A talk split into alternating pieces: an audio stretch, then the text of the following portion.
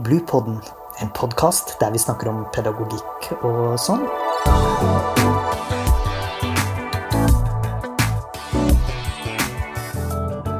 Podkasten er laget av barnehagelærerutdanninga ved Høgskolen på Vestlandet. Ja, Hjertelig velkommen til Bluepodden og serien vi har kalla 'Mellom samtale og system'.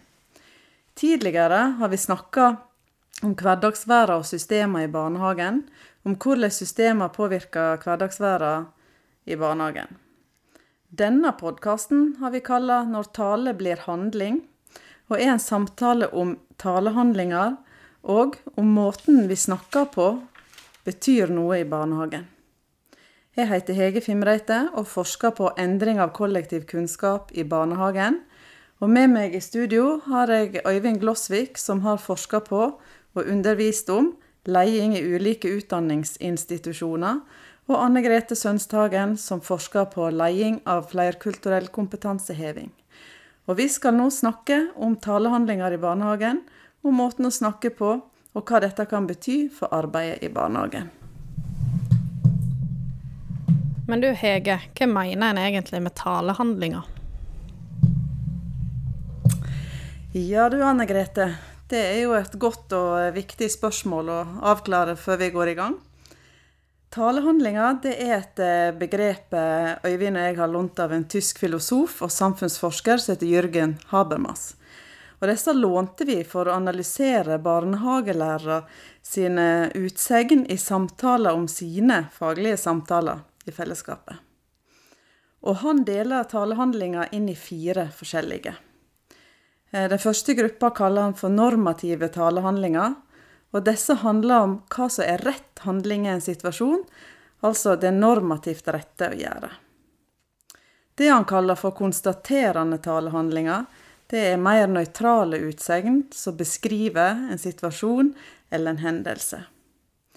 Ei tredje gruppe han kaller for dramaturgiske talehandlinger, og disse handler mer om eh, karaktertrekk, særdrag ved personer, som f.eks. når en av barnehagelærerne sier Når hun streter med begge føttene, så er ikke det så enkelt heller. Og den siste gruppa talehandlinger kaller Habermas for instrumentelle talehandlinger, som er mer målretta om hvordan en kan få andre mennesker til å gjøre slik en sjøl vil. Men Hege og Øyvind, det har jo skrevet om hvordan sånne talehandlinger kan komme til uttrykk i barnehagen. Kan du Øyvind si noe mer om hva det fant ut? Ja, eh, vi eh, har eh, analysert da 291 utsagner fra ansatte i en barnehage. Dette er da utsagner som Hege sjøl, har samla gjennom det som heter to fokusgruppesamtaler.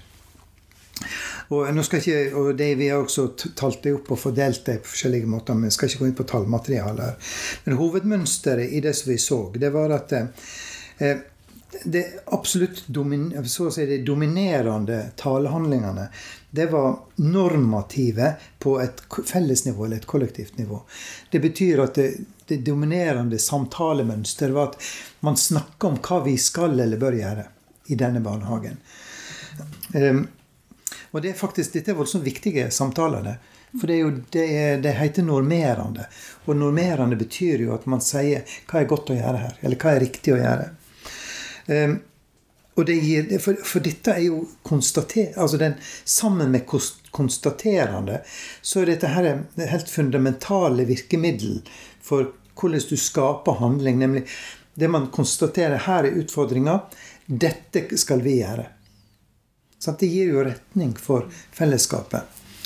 Det det som også i dette materialet var at det var veldig lite instrumentelle talehandlinger.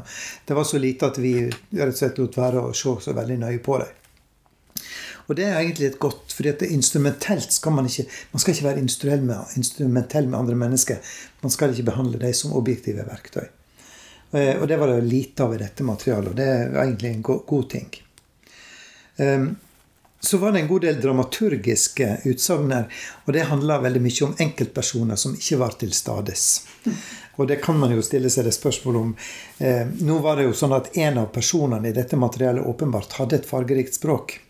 Så eh, Man skal kanskje ikke trekke det for langt. Men at man hadde en tendens til å omtale andre i et fargerikt språk. Det var det. Um, og så um, kan man jo ikke kanskje stille seg spørsmål om det alltid er så lurt. Fordi at når personer var til stades, så ble de mer omtalt i, i mer konstaterende termer. Så det var litt, en litt artig observasjon. Men i alle fall det, det positive i dette, og det, så jeg syns det var veldig kjekt å se det materialet, det var at det konstaterende og normative dominerer så på det kollektive nivået. Så er enkeltpersoner alltid enkeltpersoner. De vil gå på kryss og tvers, de. Og gjøre og ikke gjøre som en vil med det. Men, men, de vil, eller, men at det fellesskapet var så dominert av samtaler om dette er utfordringa, sånn skal vi handle. Det, det, tror jeg var veldig godt. Så så vi to mønster. Det som eh, da i, den teksten som vi har skrevet, eh, vi kaller to kunnskapsbevegelser. Den ene bevegelsen, det var at helt åpenbart at individene så å si lærer å bli en del av fellesskapet gjennom å tilegne seg språk. Altså en, på, på fint kaller vi dette en diskurs. Altså det er en stor samtale der enkeltpersonene blir så å si snakka inn i et fellesskap. Og det er helt åpenbart da at det er viktig hva man snakker om. Altså det, Hva som blir satt på dagsorden, er viktig. Nettopp fordi at det er slik du gjør folk til del av fellesskapet. Det andre er det talehandlinga. Det var eh, at en blir mer profesjonell. En blir sikrere om hva som er den riktige profesjonelle handlinga.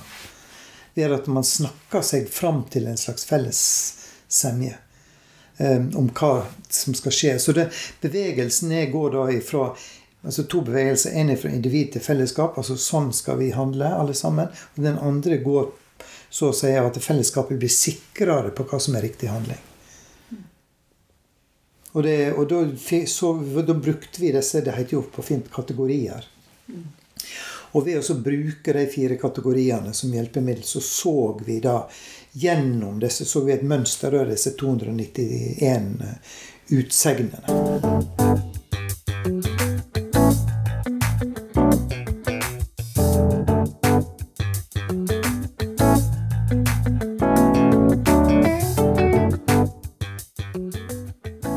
Anne Grete, er ikke dette noe du og Øyvind har forska på òg? Jeg syns jeg husker det at dere òg har vært opptatt av det her med språk og handling. Jo, det stemmer, og artig nok så har vi publisert en artikkel på dette som heter 'Learning by talking the role of local line leadership in organizational learning'. Der sammenligner vi to barnehager som jobber med flerkulturell kompetanseheving, og gjennom individuelle intervju og fokusgruppeintervju med styrere, pedagogiske ledere og assistenter så så vi bl.a. at det var både passiv og aktiv prat på både individ, individ og gruppenivå. Eh, og denne her aktiv-passiv kategoriene det handler om holdninger de hadde til, og måten de snakka om kompetansehevingsarbeidet på. Og i den ene barnehagen så var det eh, tydelig mer aktiv prat enn det var i den andre, og denne barnehagen hadde òg en styrer som hadde en veldig sånn framoverretta holdning til ledingen av kompetansehevingsarbeidet. Så ledelsen i denne barnehagen de hadde et tydelig mål med prosjektet, å sette det inn i et system, sånn at det ble en sammenheng for hele personalgruppa. Uh, og på denne måten så eh, utvikla de en praksis der, der personalet uh, hadde faglige diskusjoner og tørte å utfordre hverandre mer enn de gjorde før dette kompetansehevingsarbeidet. Det var i hvert fall det de uttrykte sjøl. Det jeg syns er så interessant, da, det er jo at vi alle har forska på det her eh, med betydning av ulike kollektive talehandlinger i barnehagen. Vi, vi alle ser det igjen i, i, det kollektive. Og hva, disse, hva tale og talehandlinger kan ha å si for barnehagelærerne sitt faglige fellesskap. Altså, måten barnehagelærere snakker på, har noe å si om hvordan de utvikler felles praksis, og hvordan kunnskapen kan bevege seg eh, i, eh, imellom folka i barnehagen. Men Øyvind, nå er jeg redd at vi har snakka oss litt vekk her, for skulle ikke vi òg snakke litt om hvordan barnehagelærerne skal drive med utvikling i den hektiske hverdagen? Hvordan de skal få rom til det, det må ikke vi glemme. Nei, vi, vi må ikke glemme det. Um, og vi, vi, vi uh, Jeg mener jo at vi snakker om det. Det er det vi faktisk snakker om. Og vi, har, vi, har, vi stiller oss jo alltid det spørsmålet hvordan skal vi, Og det gjelder ikke bare barnehage, det gjelder generelt. det jo, altså Hvordan skal vi få tid og krefter til å drive utviklingsarbeid når alt vi har av, vi har av um, tid og ressurser er brukt på, på, på drifta i dag? Hva, er, hva, gjør vi da? Uh, jeg tror utfordringa Altså svaret på den utfordringa er man, Først må man erkjenne at det, folk som jobber i barnehage og i skoler og utdanningsinstitusjoner, alle slags, det går ikke rundt og har en masse ledig tid. Den er bunden opp. Så det handler mer om Spørsmålet må være hva bruker du den tida du har? Hva bruker du den til? Og det vi egentlig begge, alle sammen, har, har um, kommet fram til, er at det, måten vi snakker på, betyr noe. Og, så, og snakke gjør vi jo uansett. Så det betyr jo det at det, ressursene våre de er jo bundet opp i ord. Og hvis vi begynner å forandre på ordene, så forandrer vi også på, på eh, handlingene våre som er knytta til disse ordene. Og det syns jeg jo den studien som, eh, som du fortalte om, Anne Grete Det er jo du som har samla de dataene, og så har vi vært i lag om å analysere dem. Det viser jo det at eh, styreren i den ene barnehagen var veldig flink til å snakke barnehagen sammen. Ved måten, eh, måten hun eh, snakka utfordringene sammen. Satte det i perspektiv. Eh, hun gjorde det mer enn den andre styreren. På den måten så hadde hun Hun konkretiserte utfordringa. Eller hun bidro til å konkretisere utfordringer. Hun skapte det som jeg, i, som jeg nettopp sa. Hun skapte sikrere profesjonell handling. Gjennom valg av ord og begrep og måten en snakket på. Det andre hun gjorde, det var jo å knytte det til nå sier jeg hun, men det var flere andre. Det var jo et mønster i dette, fordi at de pedagogiske lederne deltok jo i høyeste grad. Men ledergruppa, da de eh, klarte å konkretisere ting gjennom disse samtalene de hadde, og gjennom arbeid og måten de snakka på. Så konkretiserte de også praksis. Sånn at Utfordringene ble konkretisert gjennom orda, men handlinga ble også mer konkretisert ved at de snakket om handling.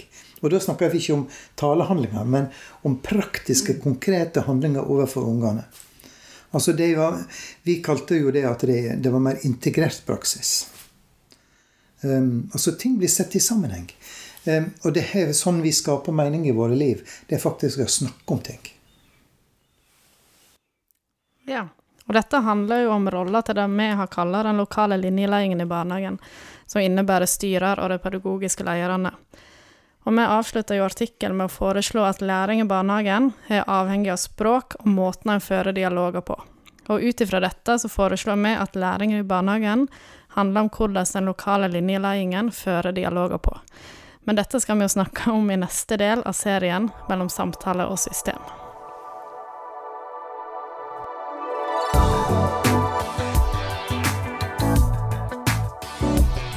Podkasten er laget av barnehagelærerutdanninga ved Høgskolen på Vestlandet.